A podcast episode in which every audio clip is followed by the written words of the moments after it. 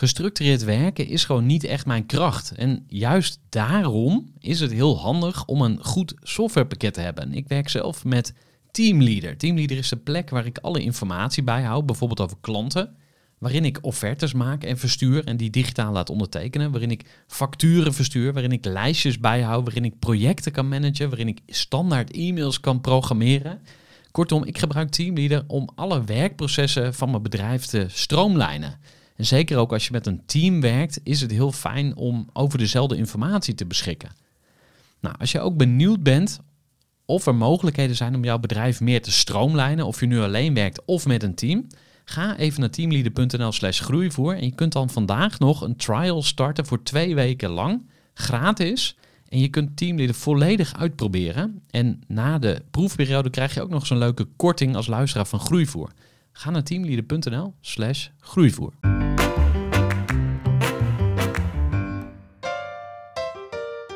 Hey, wat leuk dat je weer luistert naar de Groeivoer podcast. Of misschien is dit wel de allereerste keer dat jij luistert. In deze aflevering van de Groeivoer podcast kun je luisteren naar een gesprek dat ik had met Kees de Jong. Kees en ik hebben hetzelfde kapsel, maar dat is niet waarom ik hem uh, ging opzoeken. Ik uh, wilde graag meer weten over zijn boek Groter Groeien. Kees heeft namelijk een uh, boek geschreven en dat is alweer een tijdje geleden. Eigenlijk is het een bundeling van zijn columns voor het Financieel Dagblad. Nou, Kees heeft ontzettend veel meegemaakt op zijn ondernemersreis. Hij is al vroeg begonnen samen met een studievriend in Rotterdam. Ze hebben een bedrijf groot gemaakt dat Bloomers heet voor veel geld verkocht. Multimiljonair geworden in de quote 500 uh, onder de 40 beland, hè, dus de junior quote. Vervolgens heeft Kees ook in het buitenland veel gedaan, het leiden van een groot bedrijf. En in Nederland is die NL Groeit begonnen. We hadden een gesprek wat ontzettend veel onderwerpen behelst. We hebben ontzettend veel besproken. Ik hoop dat je er mooie dingen uithaalt. Mocht je nou meer willen weten over groeivoer, ga dan even naar onze website groeivoer.nl. Want ja, wij eh, zijn druk bezig om een online programma aan te bieden. Kunnen je ook helpen bij je persoonlijke groei als ondernemer, maar ook het laten groeien van je bedrijf. Dat doen we ook met live coaching, dus gewoon echt face-to-face. We hebben ook nog iets leuks voor je. Als je namelijk helpt bij het bekendmaken van deze podcast, dan kun je een toffe prijs winnen. Wat je daarvoor moet doen is een post over deze aflevering op jouw social media zetten. Dus uh, op Facebook, LinkedIn, Instagram, zoveel mogelijk. Als je dat doet en je stuurt daar een screenshot van naar info.groeivoer.nl, dan krijg jij een gratis Groeivoer podcast t-shirt. Alleen voor de echte fanboys en girls. Dus um, nou, grijp je kans, wees niet bang, stuur het door. Spread the word en uh, haal dat toffe t-shirt binnen. Voor nu wens ik jou heel veel luisterplezier met dit interview met Kees de Jong, onder andere van NL Groeit.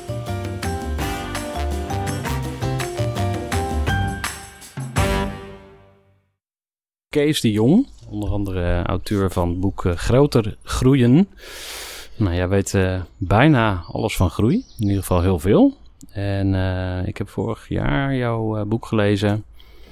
Tijdens mijn vakantie lag je op de stapel tussen Tony Robbins, Michael Pilarczyk, um, zou nog meer zeggen, Rich Dad Poor Dad, Robert Kiyosaki en, en, onze eigen Kees de Jong. Dus dat is wel mooi dat je tussen de groten der aarde uh, ligt, de groeigoeroes. is bijna, nou, bijna te veel eer. Ja, nou, dat is dan wel weer mooi uh, Nederlands van je. Uh, ja, we zijn hier in Blaricum. Op de achtergrond hoor je de vogeltjes fluiten. Er zit een hele mooie tuin. Het is 25 graden. Heerlijk. Ja. Kees, super tof dat je tijd wilde maken voor de Groeivoer podcast. Ja, je kent mij misschien nog niet uh, zo goed, maar uh, misschien komt dat nog. Ik ga in ieder geval heel veel uh, over jou ontdekken. En ik heb een aantal onderwerpen meegenomen. Nou, even kijken. Nou, ik zou graag beginnen met je verhaal. Dus Kees Jong, wie is, waar ben je geboren, je ouders. gewoon even helemaal terug, terug naar het begin. Uh, misschien wat over je boek. Het is al natuurlijk alweer een tijd geleden dat het uh, verschenen is. Maar ja. uh, wat ja. heeft het je gebracht? hoe ben je er zo toegekomen? NL Groeit, medeoprichter. Go Fast Forward. Ik ben ook wel benieuwd wat daar relatie mee is. Ehm, ik ben ook benieuwd naar je spirituele kant, als je die hebt. Dus we zien hier allemaal mooie dingen om ons heen. Allerlei materie en, en, en, en goederen en tastbare zaken. Maar geloof je ook in iets wat niet tastbaar is? En zo ja, wat? En tot slot, en dat is misschien een, uh, misschien een beetje tricky, maar jij hebt heel veel succes gehad, ook financieel succes. Ik denk dat jij uh, financieel onafhankelijk bent. Ik zou wel eens willen weten. Goeie gok. A, hoe is het? En B, uh, ja, en, en dan, weet je, hoe, hoe voelt dat? Weet je, dat, dat uh, nou ja, goed, genoeg om uh, over te daar praten. voldoende verhalen, inzichten en anekdotes over. Oh, cool. die ons daar kunnen brengen. Tof. Maar je wil eerst weten wie ik ben en waar ik vandaan kom? Ja, heel graag. Ik, ik kom onder de rook van Rotterdam. Ik ben geboren in Capelle. En toen ik vier was, verhuisd naar, naar Spijkenisse. naar het mooie Ottersveen uh, 402 in, in, in Waterland, in de wijk, een typische nieuwbouwwijk. Super goede jeugd gehad. En ik denk even fast forward naar het eerste relevante wat mij overkwam. waar het gaat om ondernemerschap en werk.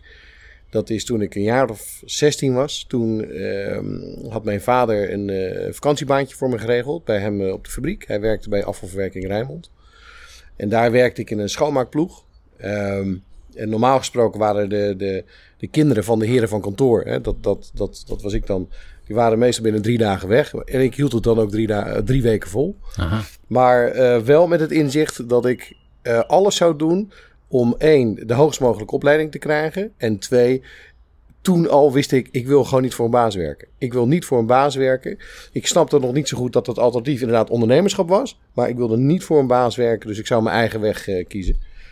En, en, en zo geschieden. Dus dat was een belangrijke zomer uh, voor mij, waarin ik ja, twee fundamentele inzichten heb, heb meegekregen, die toch wel een deel van mijn leven hebben gevormd. Ja, cool. En uh, toen ging je studeren? Of, uh, ja, ik zat op de HAVO Mhm. en uh, toen ben ik VWO gaan doen. Want ik dacht, ja, dan moet ik uh, gaan studeren. Ik ben in Rotterdam bedrijfskunde wilde ik studeren, maar daarvoor is, werd ik uitgeloot. Dus dat werd economie. Um, de, overigens, daarna ben ik wel weer ingelood bij bedrijfskunde. Ja, in die eerste periode, ik ben lid geworden. In mijn tweede jaar ben ik lid geworden van een studentenvereniging. Ik kwam met spijkenis. Ik wist helemaal niet wat dat was. Ik wist helemaal niet hoe het in elkaar zat. Ik wist alleen het eerste jaar economie. Ik voelde me als student, dacht ik, ja, dit, dit, is, dit is het niet. Want ik woonde thuis, ik ging heen en weer met de metro. Ik voelde me, ik voelde me sneu. En ik dacht, ja, dit, dit is niet het leven hoe ik het had voorgesteld. En ik zag altijd bij de, koffie, um, bij de koffiehoek altijd van die hele stoere jongens staan. En toen begreep ik dat die lid waren van die en die vereniging. Toen ja. dacht ik, nou ja, dan dat maar. uh, los van het feit dat ik niet wist hoe dat allemaal werkte. Dus ik heb me daar aangemeld, daar ben ik lid geworden. Um, daar ben ik vervolgens uh, mijn compagnon tegen het lijf gelopen. Tenminste, die was nog die, niet mijn compagnon, maar we samen hebben een huis gehuurd in Rotterdam. We zijn lid geworden van dezelfde jaarclub. Uh, en uiteindelijk zijn we toen in 1988 toen was ik uh, 20. Toen zijn we ons eerste bedrijf begonnen. En uh, toen dacht ik al van ja, dit, dit is het. En dat was een soort administratiekantoor. We deden een administratie voor een soort veevoederbedrijf. Uh, lang verhaal. Ja. Maar, welk, welk bedrijf was het? Ja, dat heette Admilot. Hm. Dat is gelijk ook een les. Meer. Dat je nooit je bedrijf moet noemen naar iets wat je anders schrijft dan dat je zegt. Want het, het was Admilo, maar je schreef Admilot. En het was, ja, het was Admilot adviseurs of Admilo adviseurs. En uh, in ieder geval, dat was een mooie opmaat naar uiteindelijk dat we een paar jaar later ons eerste onderzoeksbureau zouden beginnen. Uh, ook als, een soort, als een soort hobby. Dat is een lang verhaal hoe dat precies is begonnen. Maar in 91 begonnen we blauw marktonderzoek. En in 1993 namen we officieel uh, onze eerste onderzoeksmedewerker in dienst. En, en vanaf 93 is het heel erg hard gegaan met dat bedrijf. Ja, en hoe, hoe kwam dat? Waarom ging het zo hard? Wat nou, was de cocktail van gebeurtenissen? De belangrijkste uh, cocktail is dat wij een enorme drive hadden. Een enorme prestatiedrang omdat het ten eerste ontzettend leuk was wat wij deden. Want we waren student. Uh, en, wij deden onderzoek uh, en wij verkochten dat aan bedrijven. Wij we begonnen met het doen van. Uh, het eerste onderzoek was een onderzoek naar, naar tandartsen. dat was een soort studieproject. waarin uiteindelijk een van onze personen die we hadden geïnterviewd, een van de andere softwarebedrijven, die vroeg: joh, is dat rapport te koop? En toen dachten we: hé, hey, we hebben al onderzoek gedaan en iemand anders wil het kopen. En uiteindelijk hebben we dat verkocht voor 300 gulden destijds. En dat hebben we daarna aan alle andere partijen verkocht voor 300 gulden. Toen Ja. dachten we, nou, nu hebben we iets te pakken. Dus we zijn begonnen met het doen van eh, multi-client onderzoek. Je doet één keer een onderzoek, dat verkoop je dan aan verschillende partijen. Eh, ja, en, en dat, dat liep volledig uit de hand. Ja.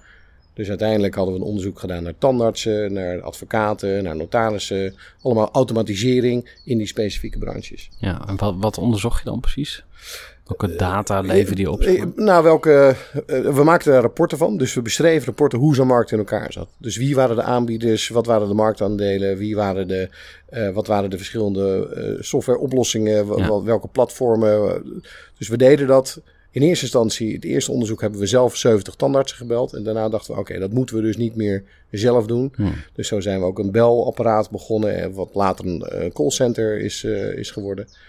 In ieder geval, we, wisten, oké, dit model, dat, dat klopt. We groeiden ook in die tijd, nou ja, vanaf 93, van, van eh, nou, onze eerste medewerker tot 2000. Toen hadden we, denk ik, inclusief het callcenter, een mannetje of 100 in dienst. Eh iets van 12 miljoen omzet deden we. In een rechte lijn gegroeid door voornamelijk keihard te werken. En het was zo ontzettend leuk om alles te doen wat, je, wat, we, toen, eh, wat we toen deden. Want ja, het eerste doel was een miljoen omzet. Nou, Ja. Ik kom nogmaals uit Ottersveen bij Knissen. Dat had ik nooit verwacht dat wij dat konden behalen. Ja. Dus toen was een miljoen in guldens. Maar, Miljoen in guldens, Maar ja. alsnog... eh, ja, de- we- echt, fenomenaal toen was het hetzelfde als miljoen euro Ja. eh, in, die, eh, in die tijd. Dus dat was inderdaad een, eh, een hele bijzondere... Ja, en vanaf daar ja, dan groeien dan de eerste 10 medewerkers, de eerste 30 medewerkers, de eerste 50 medewerkers. We zaten in een soort, ehm, ja, in een enorme positieve rollercoaster. ja. En ehm, hoe reageerde je omgeving erop? Nou, Je ouders of je ja, broers en zussen? Ik weet niet of je... ik ben, uit- ik ben uiteindelijk, ik heb, ik heb één broer. Hm. Ehm, ik ben uiteindelijk niet afgestudeerd, terwijl wij eigenlijk iedere twee weken een rapport schreven, persoonlijk, wat de omvang had van een normale scriptie. Ja, dus daar lag Dus- het niet aan. Dus dat had ik makkelijk kunnen doen. Ja. Ehm, maar uiteindelijk, toen we in 2000 of 1999 namen we een professor in dienst. Eh, toen stichten we een leerstoel op Nijrode. Mhm. Eh, en toen, toen gingen we ook naar die eh, oratie, want dat was ja, onze professor eigenlijk, onze leerstoel. En dat was de dag dat mijn vader zei, nou, oké, het is wel goed als je niet afstudeert, als je toch je eigen professor in dienst kan nemen. Waarom zou je dan nog af moeten studeren? Maar het was natuurlijk in die tijd niet zo gangbaar als nu om ondernemer te worden. Nee. Ehm, en voor ons was het eigenlijk het enige wat wij wilden doen. En daar, zeker in onze kringen, was het normaal dat je naar AXO ging, naar Shell, naar KPN. Een klasje ging doen voor binnenlandse of buitenlandse zaken. Eh, En, en ondernemer worden, dat was, werd een beetje tegenaan gekeken van nou, laat maar eens kijken hoe dat gaat. Ja. Eh, maar uiteindelijk, ja, het heeft zich zo ontzettend driedubbel en dwars, eh, heeft zich het eh, terugverdiend. Ja. Dus ja, dat was een... Zou je ook zeggen dat is de mooiste tijd van mijn leven of zo? Of ben je zo'n nos- nostalgicus? Of geloof je niet zo Nee, nee omdat, omdat als ik terugkijk, wat ik nu beleef, is ook de, mooiste tijd van, van mijn leven. Ja. Ik ben met heel veel zinvolle dingen bezig, maar het, het voelt alsof ik iedere dag vakantie heb. Eh, ik, eh, ik heb in 2004, 2005 een bedrijf explosief laten groeien door Europa. Dat was een mooie tijd. Mijn zwaarste tijd, 2009, 2012, heb ik een heel groot bedrijf nog harder laten groeien, eh, wereldwijd. Dat was ook een ontzettend mooie tijd. Dus de mooiste tijd van je leven, dat begrip eh, ehm, ja, is relatief. Maar ik denk aan al die periodes met enorm veel eh, eh, ja, warmte en plezier terug. Maar niet zoveel met, met weemoed. Niet, zo, niet zoiets van, ja, deed ik dat maar weer. Hm. Maar heel eerlijk moet ik zeggen, ik run nu niet een bedrijf. Ik ben nergens zeg maar, operationeel verantwoordelijk voor. Ik ben natuurlijk deels eigenaar of eigenaar van een aantal eh, bedrijven. En je mist nog wel eens om met een groep voor een bepaald doel te gaan. Om met, een paar, met gewoon met tien man of met je managementteam of met je hele bedrijf samen eh, iets te bereiken. Dat, dat mis ik nog wel eens. Ja. Eh, aan de andere kant, de vrijheid die ik nu heb, dat is natuurlijk ook wat waard. Kan je nog iets meer vertellen over die, die stappen die je na Blauw Research deed? Want je ver- verkocht het Of nee, je bent nog steeds aandeelhouder? Of hoe, precies, we hebben nog steeds ehm, we hebben een deel van de aandelen verkocht aan het management. Maar dat was pas in 2007. Ehm, ja, er zitten nog heel veel verschillende belevenissen zitten daartussen. Uh, nou, tijd. Laat ik, uh, laat ik beginnen uh, in het jaar 2000. En dat verhaal is, is inmiddels wel, uh, wel bekend. Ik heb het laatst ook weer op een seminar verteld. In, in, in 2000, ehm, en dat was grappig, want wij hadden in november 1999 hadden wij een strategie aan onze medewerkers uh, hadden wij uh, zeg maar, bij onze medewerkers neergelegd. Dat was dat, dat, dat uiteindelijk de verschillende datastromen uh, die er zijn voor organisaties, die, die vereisten dat je die zou kunnen combineren en dat je uit de verschillende datastromen een soort, soort toegevoegde waarde kreeg als je inderdaad de zachte en harde data zou, zou combineren. Overigens iets wat bedrijven in 2019 ook nog niet, niet voor elkaar, goed voor elkaar hebben. En, maar dit is 20 jaar geleden, hè? dus internet was nog pril. Maar wij zagen dat al dat dat, dat, dat een uh, belangrijke strategische ontwikkeling uh, werd. En wij zouden daar helemaal op gaan als, als bedrijf. En toen werden wij uitgenodigd door een Amerikaans bedrijf, Harris Interactive. die wilde eens een keer praten met ons om, om te kijken of we konden samenwerken. Um, en, en dat was in dat was in december 1999. En uh, dat bezoek heeft ons zo enorm beïnvloed waar het gaat om de visie hoe internet onze markt zou veranderen. Dat wij terugkwamen en vervolgens in januari weer iedereen bij elkaar hadden geroepen. Waarbij we zeiden: Oké, dat verhaal van twee maanden geleden, dat is een goed verhaal. Maar we gaan nu toch even wat anders doen. En dat is: we gaan volledig online. We zien dat de toekomst van ons vak dat wordt niet meer langs de deuren om data op te halen, niet meer bellen. Dat wordt grotendeels uh, via het internet. Dat lijkt nu heel logisch, maar in 2000 was dat nog helemaal niet zo logisch. En daar zijn we volop uh, ingezet. En uiteindelijk heeft dat geleid tot oprichting van Opinieland. Wat een soort online community was voor mensen die wilden meedoen aan onderzoek. En dat heeft geleid uiteindelijk tot de oprichting van Bloomers. En Bloomers, um, dat was een afgeleide van blauw is blue. Bloom is groeien. Uh, commerce, uh, dus Bloomers was, was eigenlijk de naam voor ons, voor ons online access panel bedrijf. Um, en dat ben ik gaan leiden. En mijn compagnon is, um, mijn compagnon is blauw gaan leiden. Mm -hmm. we hadden een kwartje opgegooid. We wilden allebei eigenlijk het nieuwe ding doen. maar door omstandigheden moesten we kiezen. En uiteindelijk... Dat is een grapje toch, of niet? Nou, Heb je echt kop of munt gedaan? Nou, het, het, was, het was uiteindelijk wel zo iets van... ja, wat wil jij liever, wat wil jij liever? En, en uh, we wilden het allebei liever. Maar, maar, toen zei ik iets en toen zei hij... oké, dan ga jij dat doen. Ja, ja. Okay. Dus... Um, want spreken jullie elkaar nu ook nog? Zijn nu ja, nog, we zijn uh, goede vrienden. We spreken elkaar ja, iedere week. Ja, ja, uh, dus dus uh, vijf, vijf, minuten geleden nog over de app. We zitten nog in allerlei bedrijven samen. We doen allemaal dingen samen. We gaan zelfs nog op vakantie. Dus um, ja, dat is een, dat is een, een belangrijk persoon uit mijn, uit mijn leven. Uh, en ja, dat is, ik heb twee partners, mijn vrouw en dat is mijn andere partner. Ik heb natuurlijk wel meer compagnons in andere bedrijven, maar laten we zeggen, met Wout is, het wel, is het wel begonnen. Ja. Maar nog even terug naar, naar 2000. we hadden nog even een side story. De strategie zou veranderen. En uiteindelijk in het jaar hadden we zoveel contact met dat andere bedrijf uit Amerika.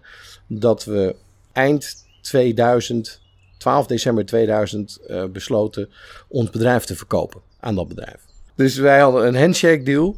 Uh, we zouden ons bedrijf verkopen voor een behoorlijk groot bedrag. En dan zouden we ook voor dat bedrijf Europa gaan ontwikkelen. En dat, dat strookt een beetje met ons eigen plan van dat Bloomers. Dus, dus zowel Blauw als Bloomers als ons callcenter wat we hadden, zou ingaan in dat plan. Uh, en, en in ieder geval, lang verhaal kort. Die deal die ging uiteindelijk niet door omdat ze geen toestemming kregen om, uh, om twee bedrijven tegelijkertijd te kopen. Want ze kochten ook nog een ander, een ander bedrijf. En een paar weken daarna stortte de markt volledig in. Dat kwam door Nina Brink. En uiteindelijk was 2000 en 2001 waren echt een rampjaren voor ons. We moesten keihard werken om ons bedrijf niet failliet te laten gaan. Zo. Omdat alles, nou, alles zat tegen in ieder geval dat jaar op meerdere fronten. Maar uiteindelijk kwamen we daaruit. Um, en hoe ben je daar uitgekomen dan? Nou, door voornamelijk Door voornamelijk gewoon keihard te werken, eh, afscheid te nemen van, van mensen Hmm. die we veel te snel hadden aangenomen ook. Ja, we waren 60% gegroeid in, in 2000. Eh, dus ja, dan maak je ook, ook qua mensen gewoon te snel en verkeerde keuzes. Dus op die manier ehm, eh, ja, hebben we ons bedrijf eh, hebben we dat weten te redden. Ja.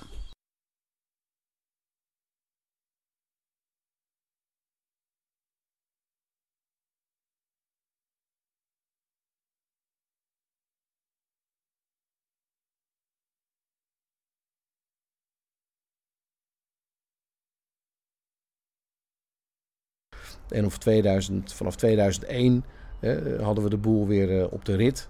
En toen ging ik vol aan eh, Bloemers werken, ons nieuwe bedrijf. En, en Wout die ging doorwerken aan, eh, aan, aan Blauw. En, en toen gebeurde iets belangrijks in mijn leven. En ik vertel het wel vaker. Dat was in september 2001. Toen zat ik met een ondernemer op het terrasje in Rotterdam bij Café Loos. Eh, het was, eh, ik weet nog, een donderdag, ergens in de derde week van september. En dat, dat, dat was zo'n voor- en nagesprek, zo'n pivoting moment, zeg maar, in, in, je, in je ondernemersleven. En die zei toen eh, tegen mij van Kees, jullie hebben een fantastisch bedrijf gebouwd. Jullie hebben het heel goed gered ook. Hè? Dat was, jullie hebben, mag je echt trots op zijn, maar één ding ben je vergeten als ondernemer. En je bent vergeten om aan jezelf te werken. Want afgelopen tien jaar, hoe heb jij jezelf nou ontwikkeld? Behalve Hmm. on the job. Hm. Nou, dan moest ik even slikken, want, ja, want ik voelde En me wie zei eh, dat? Ik bedoel, jij was de king, maar... wie nou, die- ik was niet zozeer de king. Ik ben nog steeds niet de king. Maar eh, hij had een bedrijf wat net eh, wat, wat iets groter was dan ons bedrijf. En als ondernemer ben je niet geneigd om naar mensen te luisteren. Behalve als het ook ondernemers zijn. En als ze een bedrijf Ja. hebben wat groter is dan de jouwe. Ja. En dat was in dit geval zo. En achteraf moet ik zeggen, was hij een soort van, eh, van mentor voor mij. Alleen dat concept dat was mij nog een beetje vreemd. Maar eigenlijk was hij mijn mentor. Want ik had regelmatig, een paar keer per jaar, sprak ik met hem af. En iedere keer voelde ik me opgelucht als ik met hem eh, sprak. Hm. En hij sprak dus die, eh, die eh, onsterfelijke woorden van... Kees, je bent vergeten om aan jezelf te werken. Dus hij, hij, hij eh, zette me op, een, op het pad van een opleiding op MIT. Eh, dat was eh, een programma dat heette The Birthing of Giants. Nou, alleen op de titel was ik al verkocht, eh, zeg maar. Nice. En dat was Dat ook een... heel Amerika ja, Ja, heel Amerikaans. dat was heel Amerikaans, inderdaad. Eh, denken aan een boek van Tony Robbins, Awaking the Giant. Ja. Het gaat ook over hoe kun je je eigen grootheid eh, leven, zeg maar. Nou, dat, dat Ja. was ook bij de indruk. En dat, dat paste wel goed bij mijn ego, denk ik, op dat moment. Ehm, en je moest daar eh, een soort van solliciteren. Je moest een motivatiebrief schrijven waarom je dat precies wilde. Nou, dus ik eh, een brief geschreven. Uiteindelijk werd je geaccepteerd. Mocht ik daar naartoe. En dat was wel een doorbraak. Want ehm, ik, ik kwam in een soort klasje met 65 andere ondernemers. En er stond een kerel voor eh, aan de klas. En die begon er te vertellen wat er gebeurt als je bedrijf groeit. Dus welke issues komen wanneer. En, en hij zat te vertellen. En, en ik was, mijn mond viel open, want hij beschreef precies wat ons was overkomen. Ja. En dat hele concept, dat wat ons was overkomen, dat dat standaard binnen ieder Ja. bedrijf gebeurt, dat was mij heel vreemd. De wetmatigheid, zeg maar, die daarin zit. Precies. Ja. En dat is een wetmatigheid gebaseerd op de complexiteit van je organisatie. Ja. En eh, dat hele concept, dat, dat, dat wist ik niet. En ik was altijd wel van het lezen. Dus misschien, eh, ik heb altijd wel managementboeken gelezen. Ik heb altijd wel, hè, het begon met eh, het fantastische boek Het Goal. Eh, nee, Het, Doel. goal. Ja, De Goal. van Goldratt. Precies, dat was het eerste managementboek waarvan ik dacht van wow, dit, dit gaf zoveel antwoorden en zoveel denkrichtingen. En, en zo ben ik altijd wel blijven lezen. Maar het concept dat alle problemen eigenlijk een functie zijn van de complexiteit. En, en dat het systeem eigenlijk, wat je gebruikt niet meer past bij de, Mhm. Bij de omvang van de organisatie. Ja. Dat was een eye-opener. Eh, En wie was die, eh, die spreker? Of die dat, was, dat was uiteindelijk natuurlijk Vern Harnish. Uncle Vern. Onkel Vern. Ehm, Vern Harnish, eh, bekend van Scaling Up, zoals zijn boek heet. En het boek daarvoor heette... Mastering the Rockefeller Precies, Habits. de Rockefeller Habits. Ja. En, en toen ben ik inderdaad fan geworden van Vern. En ik heb Mm. hem sindsdien ook ehm, heel vaak naar Nederland gehaald. Ja. Dus vanaf 2005. Kan je zo omschrijven wie, voor mensen die nog nooit van Vern eh, gehoord hebben? Je hebt al een tipje van de sluier opgelicht, maar... Nou, Vern is eigenlijk de, de, degene van wie je graag je, in, in de collegezaal de aantekeningen overneemt, zeg maar. Want wat hij doet, hij leest alle managementboeken. En hij heeft op basis van die inzicht een soort samenvatting gemaakt. Wat logisch is voor jou als jij je bedrijf wil laten groeien. Mhm. Dat was zijn eerste boekje, Mastering the Rockefeller Habits. En, en, zijn tweede boek, Scaling Up, is eigenlijk een verbetering daarvan. Inclusief allerlei soorten formulieren, processen, standaardisatiezaken. Uh, maar dus alles wat er is te lezen over ja, hoe je je bedrijf moet laten groeien en wat jouw rol is als ondernemer. Ja, dat heeft hij super goed samengevat. Dus ja. Jim Collins, hè, de, de, de, de, godheid van, uh, van bedrijfsgroei, ja. zeg maar, die, die, komt daarin voor. Uh, en ook heel veel andere theorieën. En, en vo voornamelijk in hele praktische vorm. Nou, ik heb dat toegepast binnen Bloomers. Ja. Nou, blauw is, is snel gegroeid. Uh, nou ja, snel gegroeid. Blauw is in zeven jaar gegroeid van, zeg maar, van 0 naar 12 miljoen gulden omzet.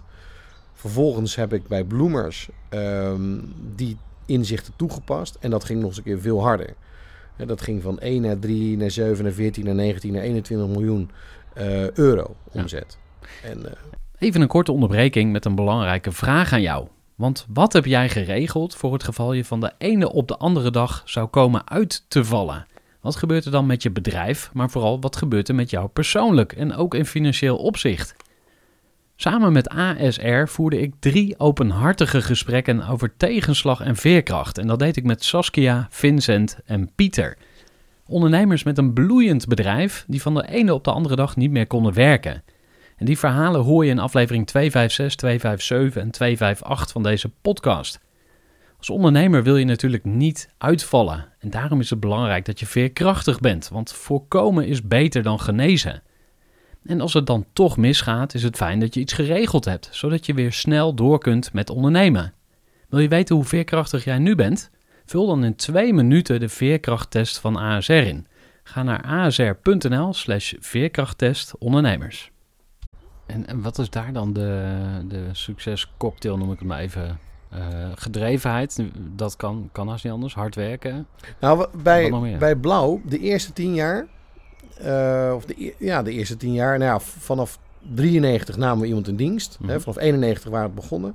Maar eigenlijk kenmerkte iedere fase zich doordat iets niet meer werkte. En vervolgens probeerden we hoe het dan wel moest.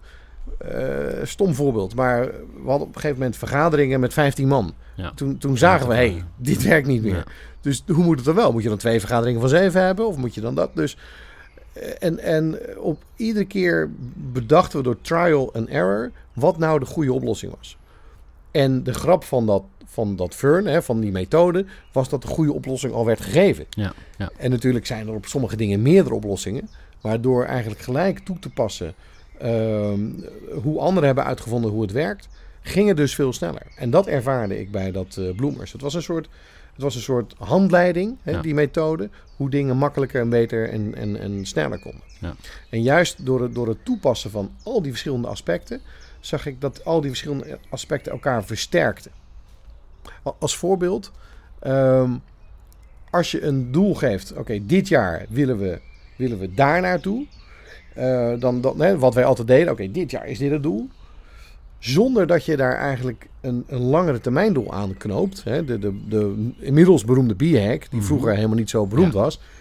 De Big uh, Harry Audacious Goal. Inderdaad, ja. uh, door Jim Collins uitgevonden. Mm -hmm. Doordat je inderdaad die dingen aan elkaar verbindt, wordt het, wordt het veel sterker. Dan ja. krijgt het veel meer duidelijkheid en gewicht. Want dan heb je je verre afstanddoel over, laten we zeggen, 15 jaar. Vervolgens creëer je een heel duidelijk beeld waar je precies wil zijn over drie jaar. Mhm. Mm -hmm.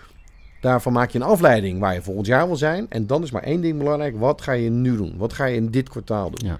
En zo koppel je dat aan elkaar. Maar laat je één van die elementen weg. Dan werkt het gewoon minder. Nee. Want dan, dan, dan zeg je, oké, okay, dit jaar moeten we dit gaan doen. En maar dan is de context weg. Waarom? Ja. Waarom ik er ook over doorvraag is omdat um, wat ik ook bij ondernemers zie... en wat ik zelf ook wel eens ervaren heb in, in experimenten die ik gedaan heb... is dat een businessmodel gewoon niet klopt. Dus er wordt bijvoorbeeld geen geld verdiend. Of dat een idee gewoon te slecht is. Of dat uh, om welke reden dan ook het plantje überhaupt niet gaat kiemen, zeg maar. Dus je hebt een soort kiem nodig om iets te kunnen laten groeien. Maar ja. uh, de stap zeg maar, van niks naar iets wat gaat kiemen... dat is eigenlijk soms al uh, lastig. En... Um, Ja, maar, maar daar ja. helpt die methode niet voor. Nee. Want we, die, Dus je die moet methode... iets hebben wat al... En daarom zeg ik Ja. ook vaak tegen ondernemers... eh, tot aan, laten we zeggen, acht man... Ja. En, en ja, dat, dat, maar tot aan het feit, bij acht man heb je een soort, eh, heb je een soort Machine, werkend businessmodel. Dan Ja. doe je, laten we zeggen, 6, 7, 8 ton eh, omzet. Ja. Ehm, maar dan heb je al een model dat werkt. En vervolgens moet je dat gaan schalen. Ja. Tot aan acht man eh, is de enige eh, opdracht die je hebt als ondernemer heel veel iteraties te maken. Mhm. Dus iteraties waar het gaat om steeds betere medewerkers vinden, eh, steeds meer klanten, eh, steeds je product aanpassen, steeds Ja. totdat je iets hebt gevonden wat inderdaad werkt. Ja. En dan even naar Jim Collins. Eh, Jim Collins, het liefste iets waar je goed in bent, waar je uniek in kan zijn en waar je zelf gepassioneerd over bent. Het het sok, eh, concept. heel goed. Ja. Je hebt je boeken gelezen. Ja. Eh, dus, ehm, en dus als je dat hebt gevonden, dan Ja. wordt de belangrijkste kracht om vaker nee te zeggen. En je op dat model te concentreren. En heel Ja. veel bedrijven, ook, ook wij, eh, met name wij, maken, maakten vervolgens de fout om ja te blijven zeggen tegen heel veel dingen. Ja. Waardoor je uiteindelijk eh, je organisatie en je businessmodel alleen maar aan het afremmen bent. Ja. Ehm, in ieder geval, ja, die inzichten die waren, die waren, die waren, mij, eh, die waren mij vreemd. En doordat ik opeens die inzichten kreeg, snapte ik inderdaad al die, al die puzzelstukjes. Maar nogmaals, tot aan een man of acht maakt het niet zoveel uit. En dan moet jij als, als ondernemer andere, de dingen anders gaan organiseren. Je moet meer gaan managen, je moet functies gaan benoemen. Je moet, eh, dan pas gaat het spelletje echt eh, van start. Wat voor, wat voor type ondernemer ben je eigenlijk? Heb je daar een soort... eh, kan je daar een label op plakken? En misschien ben je nu veel meer allround dan je natuurlijk aan het begin was. Maar Nou, ja. Nou, laat ik zeggen, wat voor type ondernemer. Als je me, als je mijn persoonlijkheid kijkt, ik ben altijd van de, van de, van de groei. Ik ben altijd van de kansen. Ik ben altijd van de energie. Ik ben altijd Mhm. van de inspiratie. Ik ben eh, zeker degene die, eh, nou ja, niet het hardst, maar ja, wel keihard daarvoor werkt. Op het moment dat ik ergens volledig achter sta, dan, dan, dan ga ik ook door. En dan neem ik Ja. ook eh, iedereen mee. Maar ja, daarnaast heb ik natuurlijk een, een lijstje van, eh, van fouten gemaakt. Hè, het, het micromanagen. krijg ik niet. Precies. Kom maar. Het, nou ja, het, het, het veel te lang blijven micromanagen. Hm. Het, eh, het, het, eh, ik ben heel erg positief en goedgelovig. En soms ook in mensen. Terwijl Hm. je lichaam al weet dat die mensen gewoon niet op een plek zitten. Die mensen weten het zelf ook. En dan toch niet die moeilijke beslissing eh, willen maken. Ik denk als ik een aantal inzichten eerder had gehad. Ja.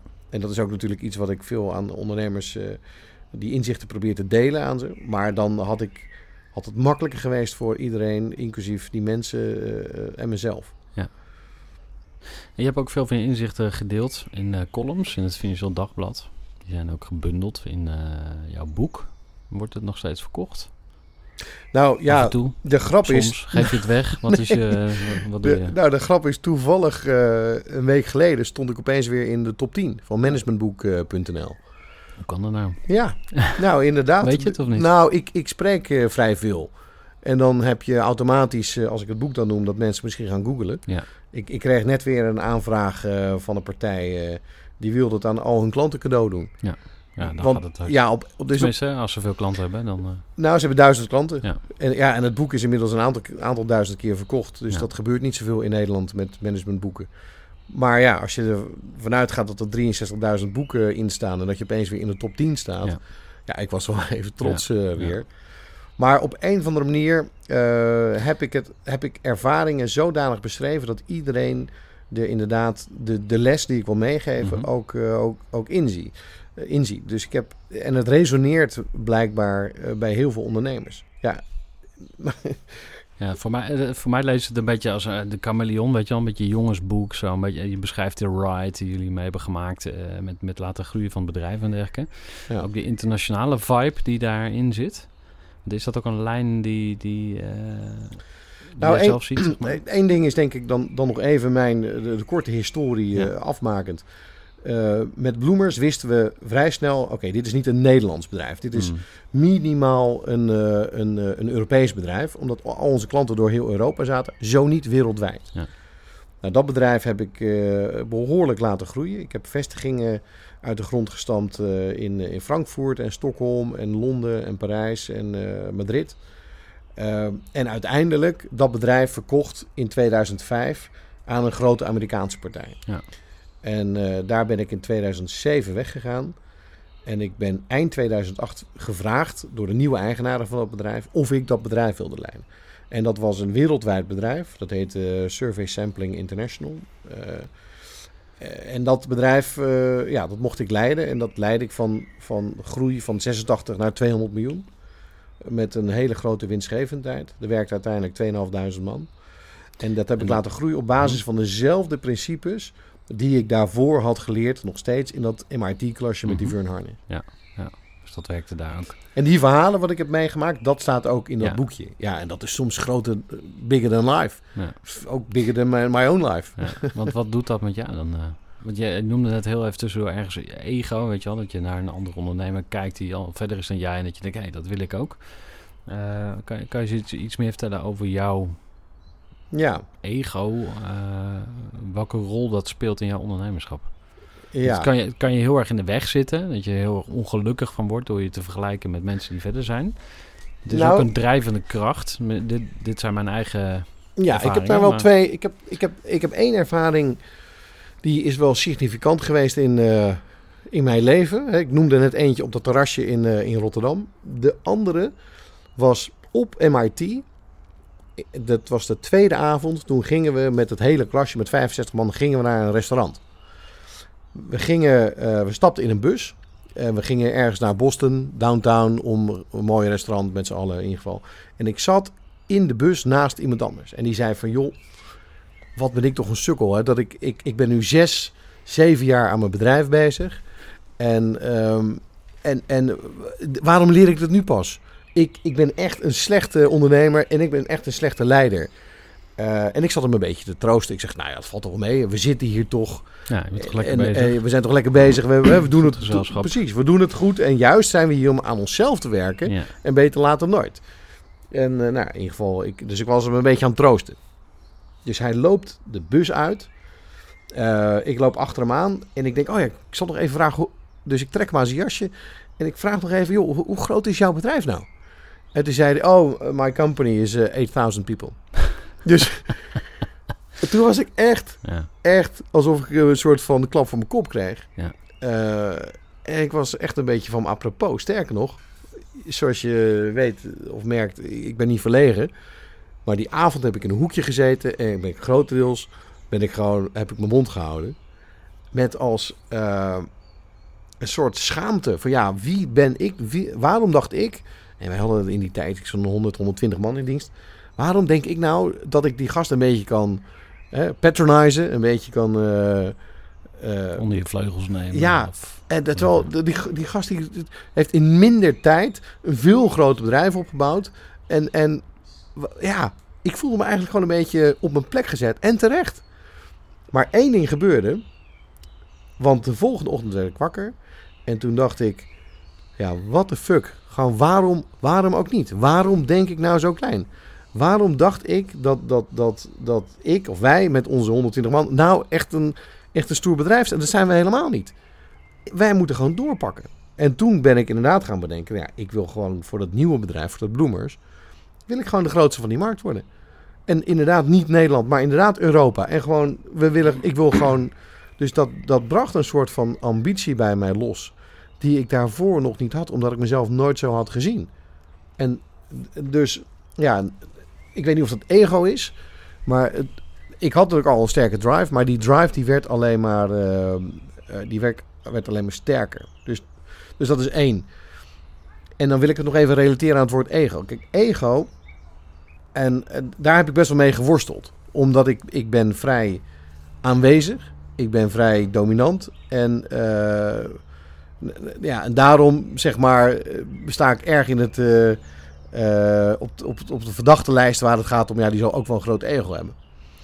Ik, ik, ik vind ook als je een bedrijf leidt, dan moet je de troepen aanvoeren en dan moet je ervoor zorgen dat je de mensen inspireert om mee te krijgen naar dat doel, zodat iedereen dat doel ook ziet als hun doel. En daardoor geïnspireerd worden om, om het zelf te willen doen. En toen kwam Jim Collins, weer zeg maar de belangrijke managementgoeroe schrijver, die kwam met een verhaal. Ja, de beste leiders zijn level 5 leaders. En level 5 leaders zijn bescheiden leiders. Humble en... eh, En toen dacht ik, ja, maar...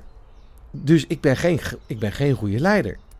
Dus, ik- dus daar heb ik maar best... dan ga je weer zitten vergelijken, toch? Of niet? Ja, dan ga je... Nou ja, nee, omdat ik, omdat ik mezelf... Inmiddels had ik door hoe belangrijk de rol van jou als ondernemer is... Mm. eh, al- als leider binnen de organisatie. Dus Ja. ik ben me daarin gaan verdiepen. En uiteindelijk werd ik een soort van gerustgesteld. Want wat hij nou precies bedoelde met dat verhaal is... wanneer het bij de leider gaat om de leider... Hè, om het ego van de leider... Ja. dat is, dat is vervolgens eh, de oorzaak van alle ellende die je daarna gaat krijgen. Hè, kijk naar Trump en kijk naar andere leiders. eh. als het bij de, de, de leider gaat om wat er bereikt moet worden. En daarvoor is hij heel zichtbaar en, en eh, op de zeepkist en alles. Dan, dan, is dat, dan is dat niet ego, maar dan is dat juist het doel wat moet bereikt worden. Nou, ik heb dus dezelfde analyse gedaan. De dingen die ik. Bij de dingen die ik doe, is het doel altijd het meest, het meest belangrijk. En niet mijn rol of, of hoe ik daaruit kom. Stel dat je nu luistert als ondernemer en ehm, je mag een eerste stap zetten om... Of je wil een eerste stapje gaan zetten, een heel klein stapje, om, om jezelf te laten groeien. Nou, eigenlijk heb je die al gezet als je de Groeivoer podcast luistert natuurlijk. We gaan het ook constant over hoe kan je jezelf, eh, je geest voeden met eh, nou, interessante gesprekken met, met, met eh, ondernemers. Maar wat zou je verder nog kunnen doen? Nou ja, heel, heel simpel. Eén, ehm, en dat is inderdaad blijf of ga lezen. De bekende managementboeken, onbekende managementboeken. kijk op, op, op Amerika, de, de top 10. Dat is gewoon extreem indrukwekkende, belangrijke kost waar je altijd iets uit haalt wat jij kan toepassen. Dus, dat is één. En, en eh, ook voor alle, alle andere interacties, als jij die bagage hebt, je kan wat gebruiken in gesprekken met je medewerkers, met klanten. Het, je, je bouwt gewoon bepaalde kwaliteit op eh, in jezelf. Dus dat is, dat is de makkelijkste. En eh, ja, gewoon een boek per maand. Dat, daarin kan je jezelf altijd. dus dat is één. Ehm, twee, vaak zie je niet waar je zelf vast zit. En dat is natuurlijk een beetje mijn en al groeit eh, dingetje. Ik had die kerel op dat terrasje die mij wakker schudde. Anders, ik had mezelf nooit wakker geschud. Hm. Dus, dus ehm, Kees, je hebt zo lang niet aan jezelf gewerkt. Ga, ik zou jezelf doen. Dus een, een soort van mentor die jou... En nogmaals, het verschil tussen een coach en een mentor is... Een coach is iemand die houdt je een spiegel vol, die laat je zelf het antwoord geven. En een mentor, die heeft in jouw schoenen gestaan. Die heeft, die heeft het soort van bedrijf geleid... of die heeft het bedrijf, de omvang van het bedrijf geleid wat jij nu leidt. Ehm, en die kan jou gewoon eh, het, het- de, de volgende stap eh, wijzen. En eh, ja, soms heb je dus extern iemand nodig die jou daarmee helpt. Want jouw medewerkers, die doen dat niet. Soms zegt er wel eens eentje half dronken op een kerstfeest tegen jou van... joh, eh, Krijg ik de waarheid te horen. ja, precies.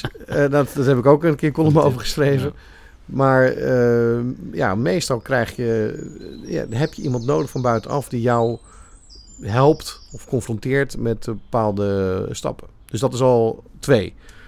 Eh, drie is eh, zorg dat je continu andere ondernemers ziet, dat je lid wordt van netwerken waarbij je op een hele open manier met elkaar eh, kan sparren over jouw uitdagingen en problemen. Ehm, eh, vier, ga naar ondernemers events. Eh, en eh, vijf, eh, volg wel of niet een groeiprogramma. Zo zie ik op MRT. Hè? Ja. En daarvan zijn er ook heel veel in Europa of in Nederland.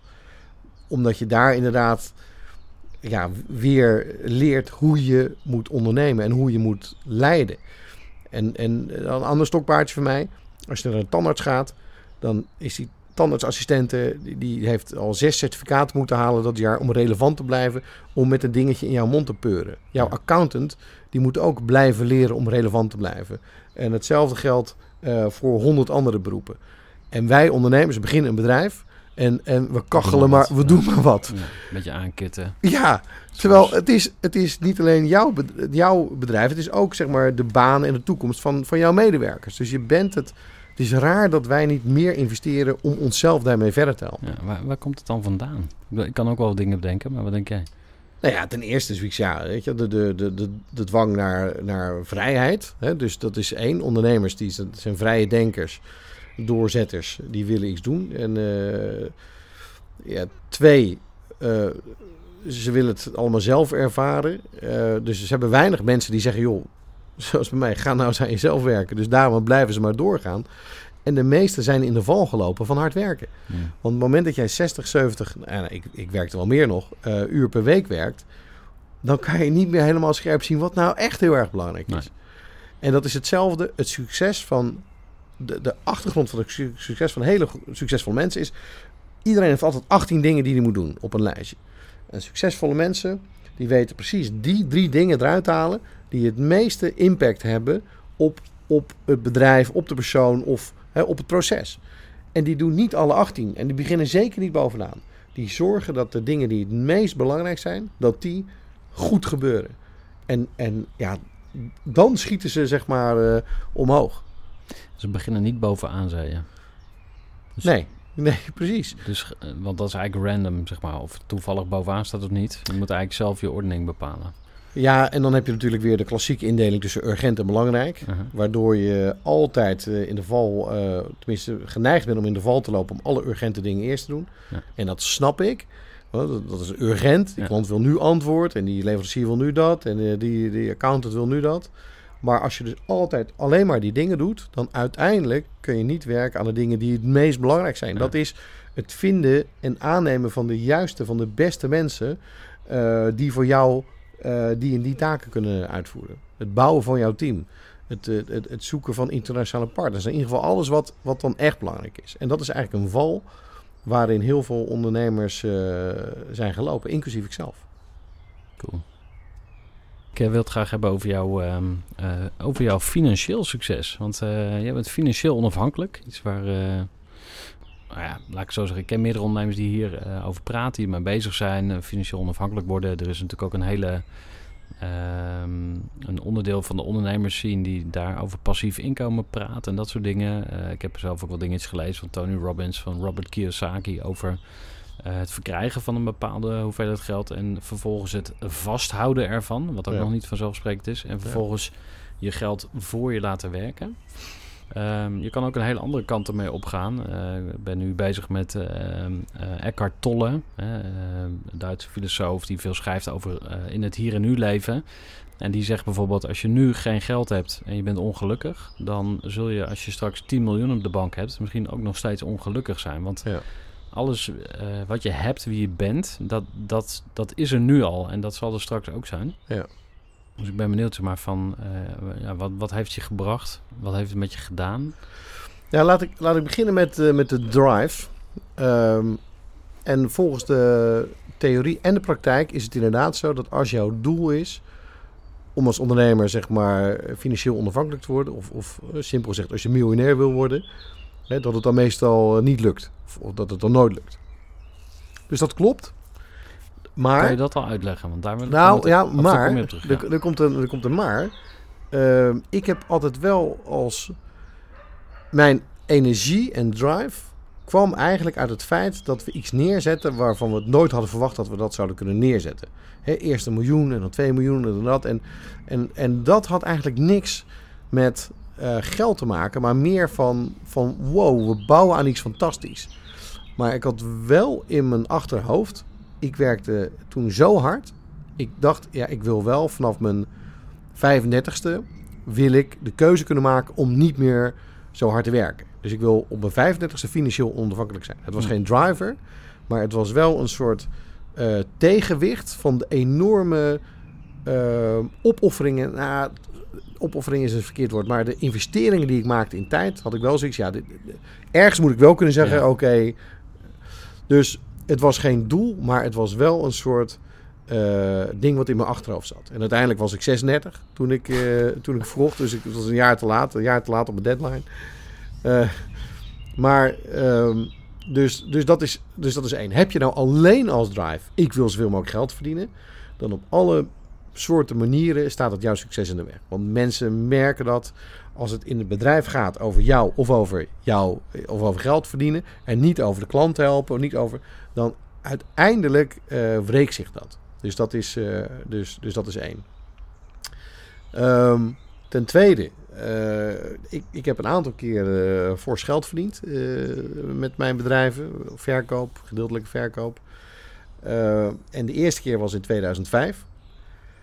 Toen verkocht ik bloemers aan het grote Amerikaanse bedrijf. Toen had ik een jaar lang nog een earn-out. Heb ik nog een jaar lang extra voor ze gewerkt om Azië te ontwikkelen. En in 2007, half 2007, ging ik eigenlijk voor de eerste keer met pensioen. En toen hoefde ik al niet meer te werken.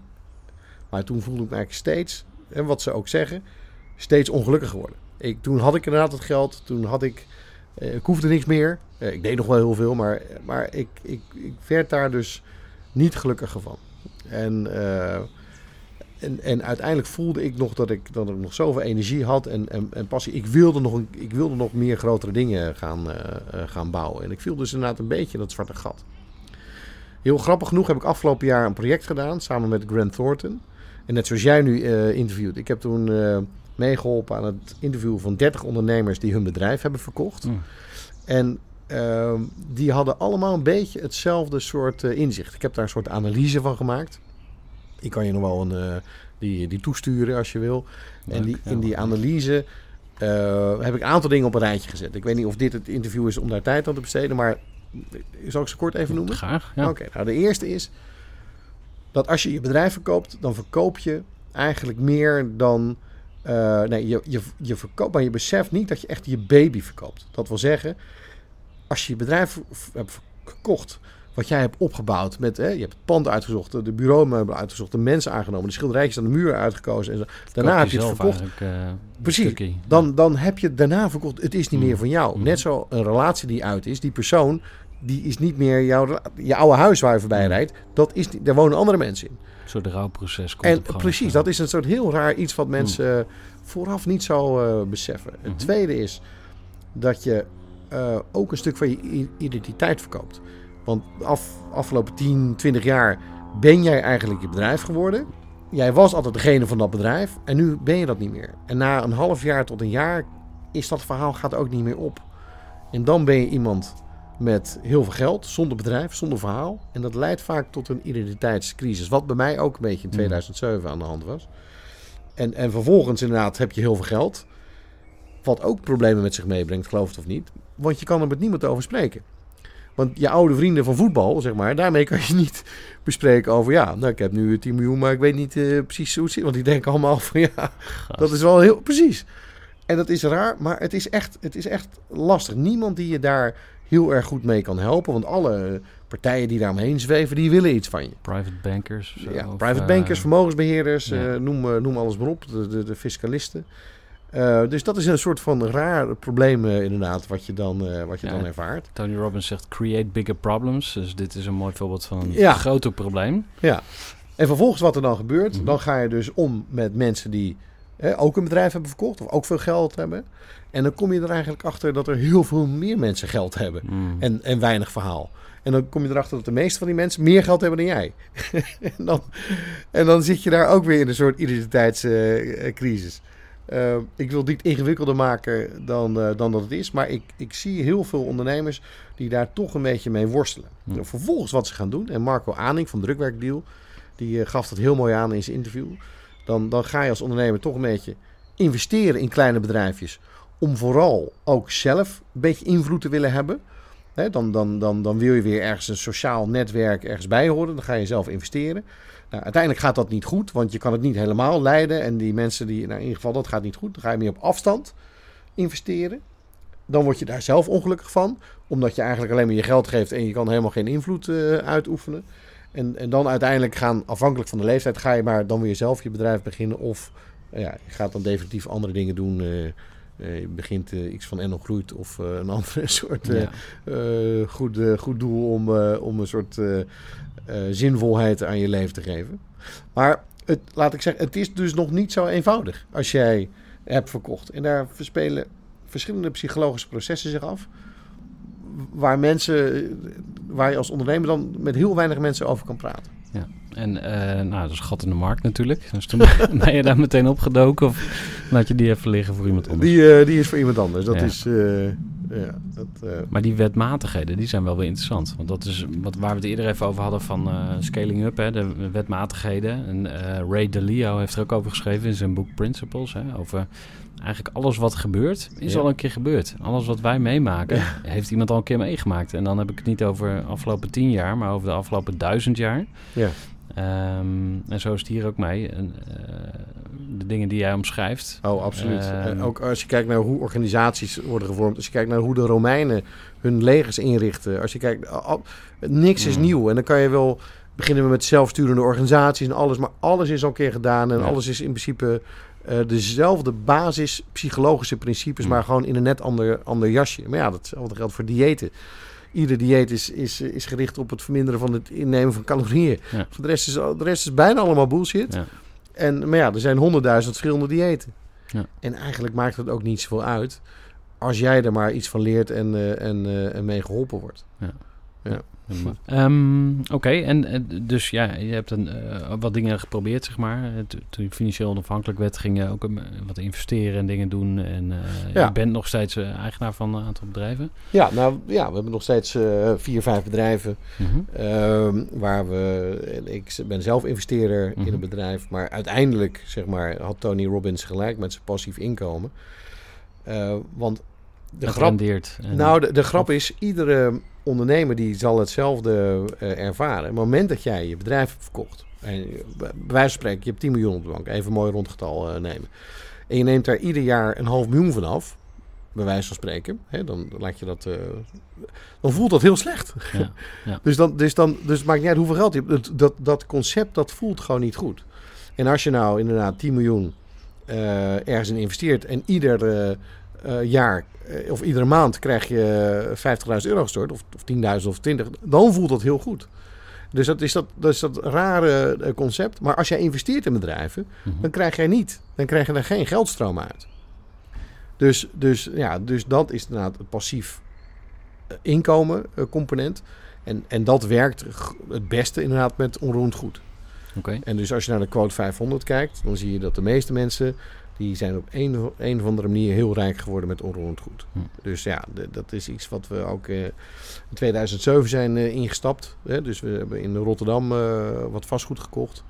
En dat lost inderdaad dat probleem op. Dan, dan koop je een, een, een pand, of meerdere panden, of een flat. En daar wonen mensen in. Ja, die betalen iedere maand hun huur. En Ja. dan heb je dat in principe heb je dat opgelost. Maar goed, het, het belangrijkste is, toen ik de eerste keer een soort van met pensioen ging, toen voelde ik me ongelukkig worden omdat ik nog voor onvervulde doelen had.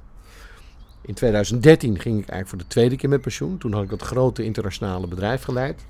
Ja, dat was ook een soort eh, jongensboekachtige ervaring. Mhm. Ik, ik, ik was CEO van een bedrijf met een paar duizend man. En, en overal waar ik aankwam, eh, was mijn dag gepland van vijf minuten op vijf minuten. Overal stond de limo klaar met de chauffeur om het te brengen naar mijn volgende Heel afspraak. Dat was ook een hele, dat was ook, ook, Ja. en ook iets wat ik niet kon delen. Ja. Met, want ja, mensen snapten gewoon niet wat voor leven ik eh, toen had. Eh, dus dat was een hele bijzondere tijd. Ja, en ben je dan nog jezelf? En dat vind ik dan ook een fascinerende vraag. Ja, dan ben je gewoon nog jezelf. Hm. Ja. Ja, ik, omdat ik ook iedere keer dacht, ja, dit is toch ook raar. Zit Kees de Jong uit Spijkenisse zit hier gewoon Dat, ja. voor een zaal van 40 dure bankiers en advocaten ergens in een, eh, op, op de hoogste vloer van een kantoorgebouw in New York een verhaaltje te houden. Ja. iedere het keer. Ja. Ja, waar gaat het over? Precies. Maar ik vond het wel mooi om het eh, mee te maken, om het te begrijpen wat daar gebeurde. Ik voelde me ook wel uitgedaagd, maar ik heb me niet echt laten, laten veranderen. Ik heb, eh, ik heb me niet echt laten veranderen. Eh, maar het was een fantastisch jongensboekavontuur waarin ik ja, mooie dingen heb meegemaakt. En nogmaals, als je denkt dat het leiden van een bedrijf van, van een miljoen, dat het, dat het moeilijk is, dan heb je helemaal gelijk. Want het leiden van een bedrijf van 100 miljoen is echt veel makkelijker. Het is gewoon echt veel Veel meer makkelijker. structuren die voor je werken. Je hebt veel meer goede mensen die, Ja. die voor jou werken. Dus als jij een beetje goed kan nadenken, Ja. dan, dan, dan gaat dat gewoon makkelijker. Want dingen die jij met je team beslist, die, die, die kan je gewoon ook laten uitvoeren. En bij ieder bedrijf, bij een klein bedrijf, is dat gewoon. Is dat gewoon eh, ja, als je een klein bedrijf kan runnen, dan kan je vaak ook. Ja, naarmate je groeit, wordt het makkelijker. Als je maar snapt wat jouw rol is ehm, als, als leider binnen dat bedrijf. En dat is bij 1 miljoen iets anders dan bij 100 of bij nog meer. Ehm, maar goed, dat was, een, dat was een bijzondere tijd. Kijk ik eh, met heel veel eh, eh, plezier en verwarring op terug. Maar toen kwam ik vervolgens in 2013 terug. Hè, toen hadden we ons huis hier gebouwd in het onvermijdelijke reservaat hier in Blarikum. en toen, toen, toen voelde ik, toen had ik nog een beetje de afweging: moet ik nou weer een groot bedrijf leiden? Want ik wist toen hè, hoe dat kunstje, nou, dit is niet de kunst, ik wist hoe dat moest. Maar uiteindelijk heb ik uh, vrede gevonden in een aantal grote projecten die ik heb opgepakt. Uh, waaronder NL Groeit. Ik had, ik had voor mezelf drie doelen gesteld. En ik was eh, niet gezond geworden door de vele reizen. Dus ik moest weer aan mijn gezondheid werken. Nou, misschien zie je het niet helemaal, maar ik ben echt super fit. Ja. Dus ik, ben, uh, ik sport uh, drie keer in de week. Een personal trainer. Uh, ik sla nooit over. Ik, ik, ik ben ja, aanzienlijk gezonder geworden dan ik toen ooit was. Um, ik wilde weer gaan drummen op professioneel niveau. Ik, wil, ik, ik wilde, ja, nou, daar had ik ambities in. En de derde ambitie was, ik wilde bedrijven helpen groeien zoals ik een beetje had meegemaakt doordat ik een schop onder mijn kont kreeg om aan mezelf te werken. Ja. Diezelfde schop of een vriendelijk tikje op de schouder zou ik aan heel veel andere ondernemers uh, uh, willen uitdelen. En allemaal zeg maar non-profit, zonder enige uh, commercieel belang. en dat is uiteindelijk uitge uitgemond in NL Groeit. Dat, dat, heette in het begin een elevator. Toen hebben we allemaal dingen georganiseerd. EZ die zag dat het goed was, die ons, gaan, die ons dat gaan helpen. En uiteindelijk nou, is NL Groeit een behoorlijk impactvol uh, programma, als ik het zo mag zeggen. Ja, maar dan heb je dus wel die partners bijgezocht om, waarom eigenlijk? Om een bereik te vergroten of zo? Of je kan ook zeggen, ja, dit is gewoon mijn toko, uh, ik ga dit allemaal lekker zelf doen.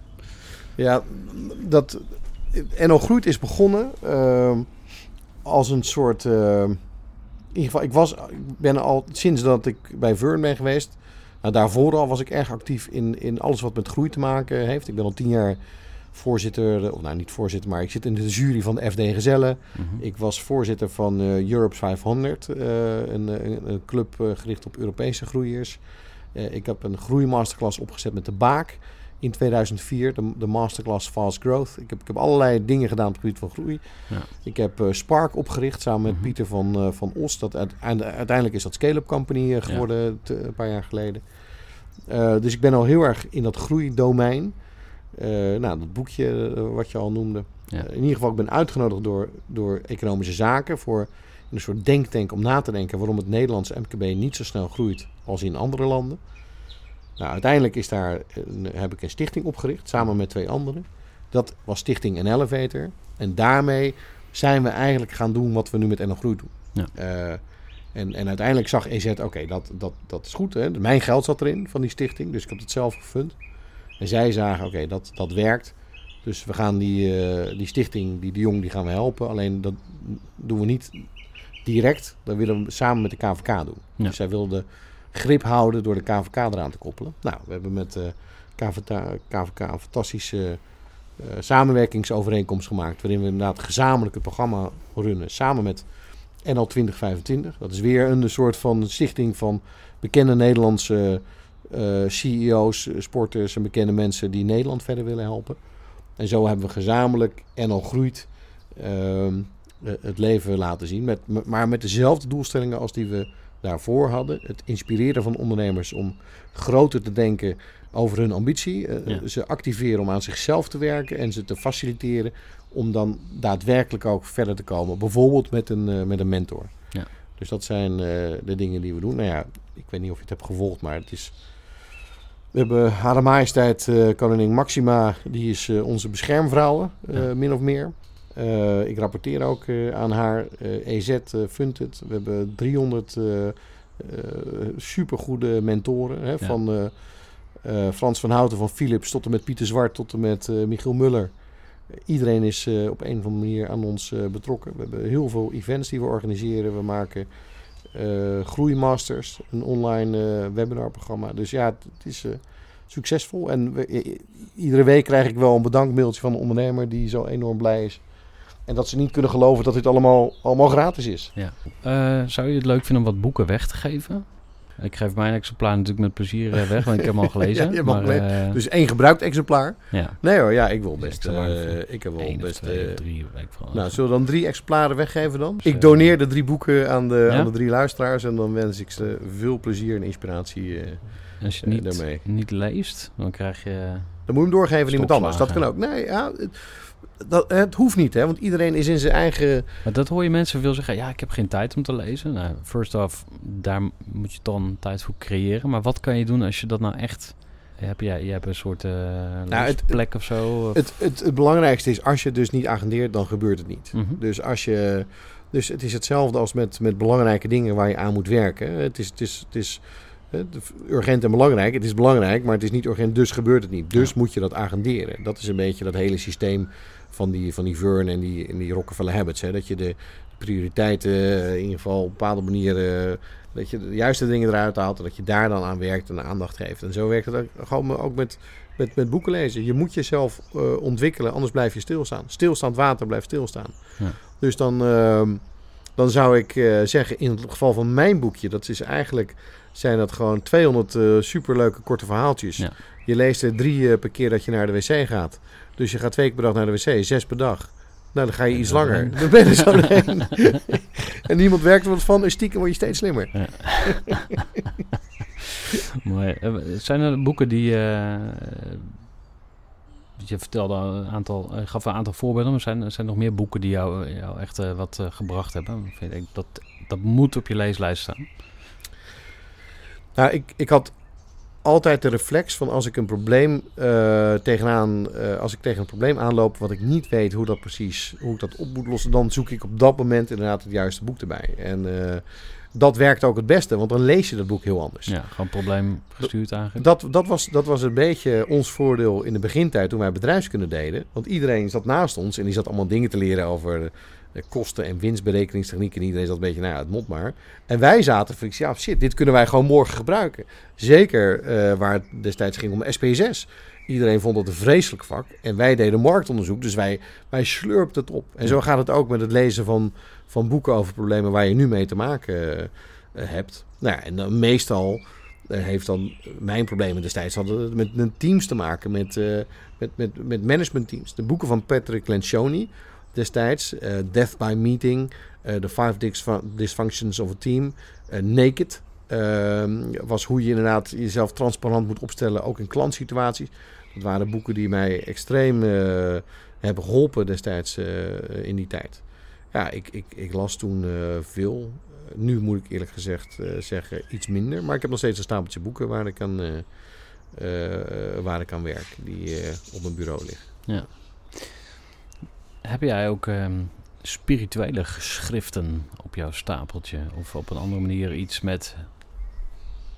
eh, denk je dat er dingen zijn die we niet kunnen zien, maar die er toch zijn?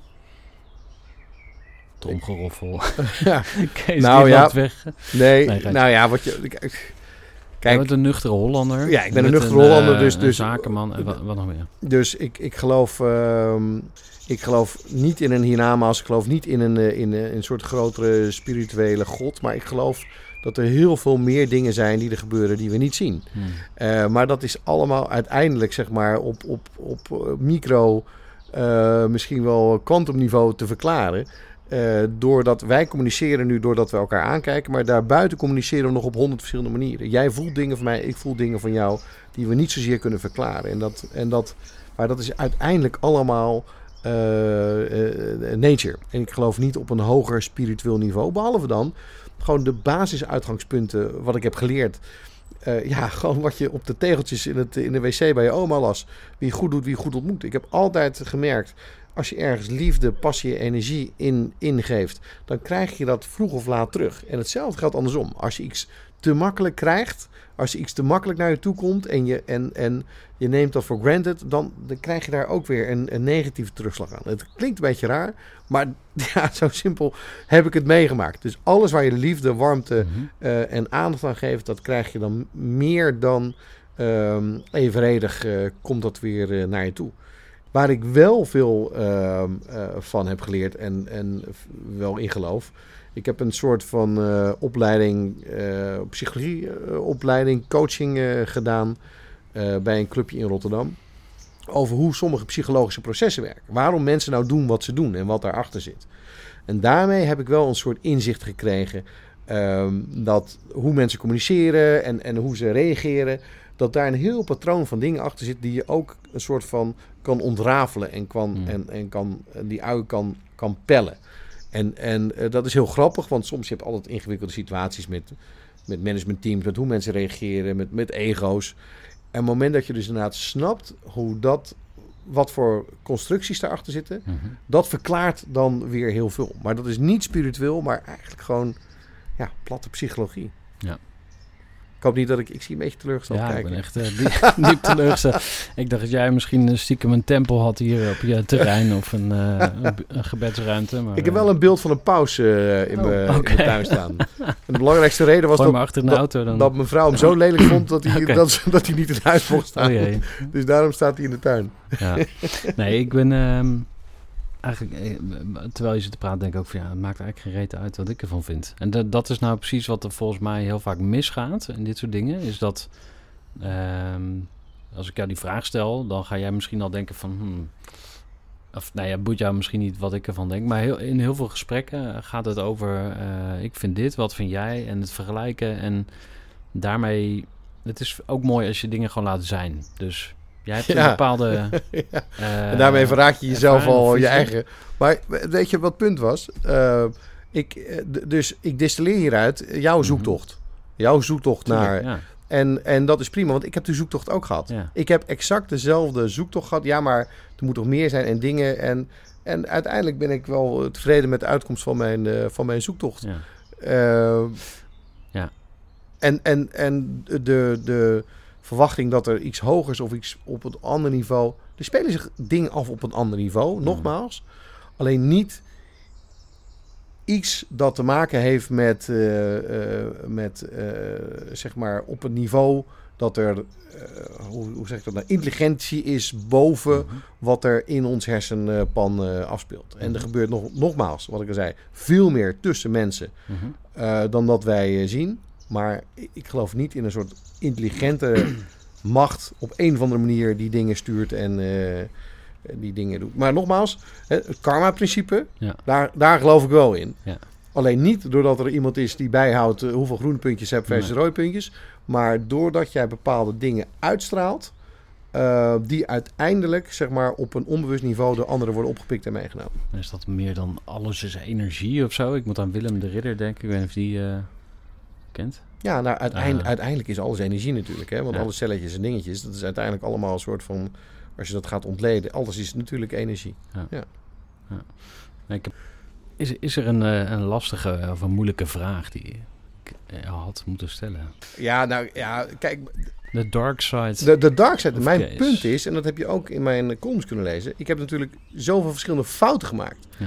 De- dat is het, hè. Ik zeg niet, ik ben zo succesvol. Nee, ik heb juist al mijn fouten beschreven, mijn kwetsbaarheden, mijn, mijn onzekerheden, Ja. waar ik wat van heb geleerd. En dat is eigenlijk, denk ik, het, eh, het belangrijkste ehm, wat je moet overhouden van, eh, van, van wat, welke boodschap ik probeer over te brengen. Ehm, dus niet zozeer, kijk mij eens oeleboele succesvol zijn. Maar ja, kijk mij eens die fouten die ik heb gemaakt, die anderen dus niet meer hoeven te maken. Of in ieder geval niet meer drie keer, zoals ik. Ja. Ehm, ja, tot slot hebben we nog niet gehad over, over mijn bandjes en mijn Band, succes. Ja, daar wou ik mee, af, eh, daar wou ik mee afsluiten. Want eh, vertel eens. Jij speelt in meerdere bands? Ja, ik wilde weer professioneel gaan drummen. Tenminste, professioneel. Ik wilde weer op, op niveau gaan drummen. Ja. Ik, ik kwam dus terug uit Amerika en toen dacht ik... oké, waar heb ik nou het meest, naast het bouwen van mijn bedrijven... het meest plezier aan beleefd? En dat was toch wel drummen. Hm. Dus uiteindelijk heb ik bedacht... oké, ik wil dat weer serieus gaan oppakken. En wat, wat doe je dan als ik serieus wil oppakken? Heel veel tijd investeren. Ja, Inderdaad. werken, precies. jezelf En laten groeien. een mentor mensen. nemen. Een mentor, oké. ja, Dus ja, ik dan ja. een drummentor, hè, mijn, drumcoach. Eh, want je kan zelf wel heel veel gaan oefenen. Wat ik ook heb gedaan. Hè. Weer alle oefeningen.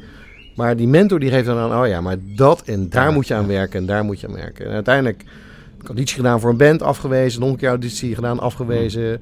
Aangenomen voor een band. Van die ene band kwam een andere band. En uiteindelijk heb ik nu twee bands, uh, de Rock'n'Roll Junkies uh, en de Police. En de Police is mijn laatste project. Ja. En daar, dat probeer ik echt op een hoog niveau te krijgen. Dus ik wil de beste Police tribute band van Europa worden. Ik heb een doel, ik wil voor 5000 man optreden, systeem en proces om daar te komen. Cool. Uh, op dezelfde manier dat ik mijn bedrijf bouw. Eén, begin met de beste mensen. Dus we hebben één zangerwissel gehad voor een nog betere zanger. En, en, en twee, nou, de doelen hoog stellen en uiteindelijk ervoor zorgen dat we ja, in theaters komen en, en op de grotere Europese tribute podia. Ja. Nou, daarvoor ben ik nu hard aan het werk. En dat, uh, ja, dat gaat. Niet zo snel als dat ik zou willen. Maar uh, omdat het natuurlijk ook voor mij een vreemde branche is. De, de, de, muziekbranche is weer een vreemde branche. Ik moet veel leren. Maar ik ben ervan overtuigd dat je Die mij ook... is ook lekker op een of andere manier. Ja. Of het, het vechten ervoor of zo. Of, of uh...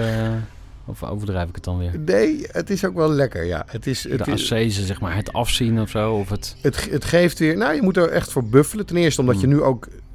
Ik moet gewoon zelf gewoon heel goed worden.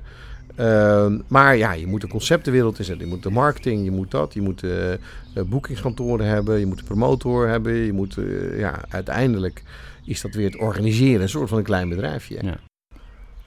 We gaan een uh, selfie maken met jouw boek. We gaan drie exemplaren van je boek ook weggeven. Ja. En um, ja, we moeten nu gaan afronden. Maar uh, waar kunnen we iets meer te weten komen over jou en je initiatieven? Nou, ik, ik heb een website, maar die, die onderhoud ik nauwelijks heel slecht. Mm -hmm. Dus dat, het is keesdejong.info. Uh, natuurlijk nlgroeit.nl, want daar uh, kan je iets op lezen als je aan jezelf wil werken staat voldoende informatie op. En ja, verder als je de police band wil boeken, dan doe je dat op police.com. En iedereen is welkom. Nice. Dankjewel Kees. En uh, nou, wie weet tot de volgende keer. Gerard, graag gedaan. Ja, dat was hem alweer. De aflevering met Kees de Jong. Um, geef je feedback. Uh, liefst in de vorm van 5 sterren op iTunes post op de socials. Dat is uh, voor mij een hele fijne manier om meer bekendheid te krijgen voor de Groeivoer podcast. En uh, ja, mocht je iets meer willen weten over uh, wie ik ben en wat ik voor je zou kunnen betekenen in het laten groeien van jou als ondernemer of je bedrijf, ga even naar groeivoer.nl. En je vindt ook iets meer achtergronden in um, de allereerste aflevering van deze podcast. Maar voor nu wens ik jou een hele fijne dag avond, nacht, wanneer je dit ook maar beluistert. En uh, graag tot een volgende keer.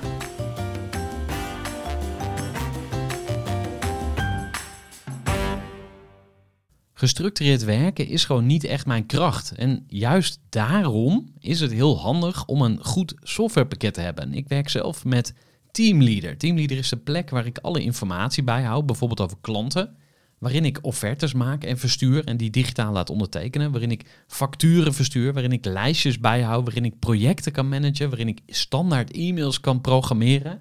Kortom, ik gebruik Teamleader om alle werkprocessen van mijn bedrijf te stroomlijnen.